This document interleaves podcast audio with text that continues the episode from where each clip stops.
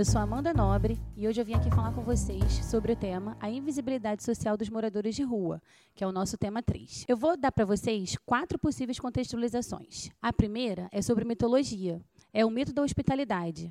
Conta a história de Zeus e seu filho Hermes, que decidem testar a hospitalidade dos mortais. E depois de serem desprezados em mil casas, foram acolhidos em um lar humilde. Zeus, então, castigou aquela vizinhança com uma grande enchente que levaria tudo, livrando apenas o casal que os acolheu. Analogamente ao mito, a sociedade brasileira, seja no âmbito individual ou estatal, fecha os olhos à situação dos moradores de rua. Uma segunda possível contextualização é a reforma Pereira Passos, que, como em qualquer outro processo de reforma urbana, intensifica a precarização das condições de vida da classe trabalhadora. E isso inclui a população de rua e os menos afortunados, é claro. Uma terceira possível contextualização para esse tema é o processo de gentrificação, que consiste na revitalização estrutural e elitização social. Isso motiva a especulação imobiliária e expulsa de forma direta ou indireta a população de baixa renda de suas antigas residências. Muitas dessas pessoas vão para as ruas, já que não resta para elas outras opções. E uma última contextualização seria o filme A Procura da Felicidade, protagonizado por Will Smith. Vale também o seguinte questionamento: essa invisibilidade é real ou ela é apenas relativa? Vamos pensar nisso? Essas pessoas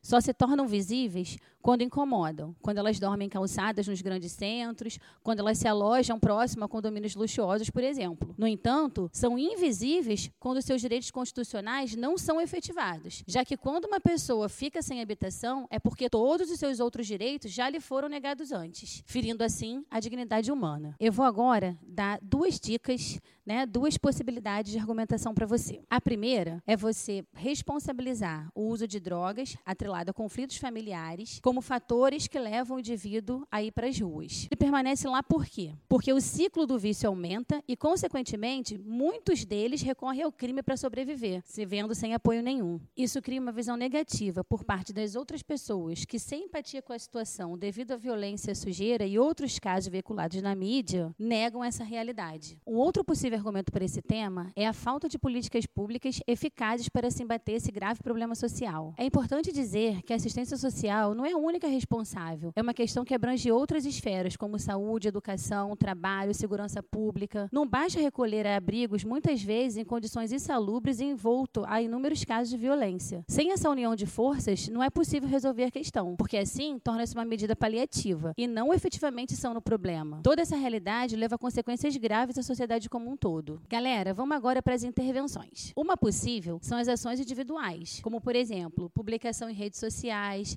diálogos abertos sobre o assunto como formas de criar empatia, solidariedade e respeito ao próximo, fatores tão carentes na nossa sociedade de hoje. Uma segunda possível intervenção, em âmbito federal, né, uma coisa mais concreta, é que o Ministério da Cidadania crie protocolos nos subsetores como uma espécie de força-tarefa, com o intuito de inserir ou reinserir essas pessoas no mercado de trabalho e assim gerar renda. Como isso vai ser possível? Se houver acompanhamento médico, psicológico, cursos profissionalizantes, por exemplo. E ainda ainda, é necessário que haja fiscalização se estará havendo o real cumprimento desse protocolo por parte dos setores responsáveis. Galera, você só não pode esquecer que depois da segunda proposta de intervenção, é muito importante que você faça a reflexão final, condizendo com o início do seu texto. Ou seja, você precisa dar aquele lacinho para entregar de presente para o seu corretor. Então, gente, essas foram as dicas caso o tema do Enem seja a invisibilidade social dos moradores de rua. Lembrando que toda semana a gente vai estar gravando novos podcasts para vocês. Fica super ligado para alcançar aquele mil dos nossos sonhos. Um beijo.